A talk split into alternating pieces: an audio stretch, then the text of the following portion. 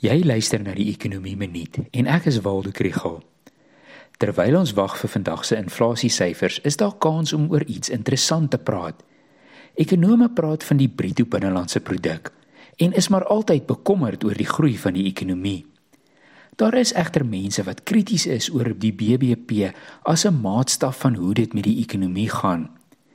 Die meting vat maar 'n raaiskoot oor die informele sektor. Dit neem nie skade aan die omgewing in ag nie en sê niks oor hoe gelyk of ongelyk inkomste verdeel is nie. Daar is nou 'n maatstaf wat hierdie laaste punt probeer aanspreek. Planet Money vertel dat die ekonome Thomas Blanchett, Emmanuel Sayes en Gabriel Zachman het 'n maatstaf vir die intydse of real-time ongelykheid gebou vir die FSA.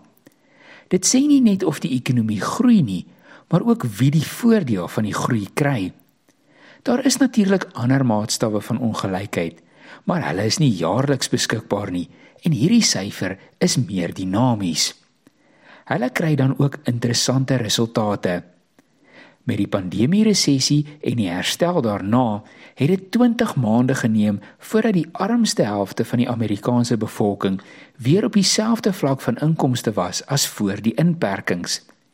Dit het net 10 maande geneem vir die rykste helfte van die bevolking om weer te herstel. Oor die laaste jaar het sterk groei in lone egter die armer helfte bevoordeel en die swakker aandelebeurs het die ryker helfte ietwat teruggesit. Mens kan net dink hoe hierdie nuwe maatstaf gebruik kan word om beleid te maak. As jy wil weet of die die staat toelaat of belastingverligting moet gee, gaan mens nou beter kan bepaal wie die wenners en die verloorders sou wees.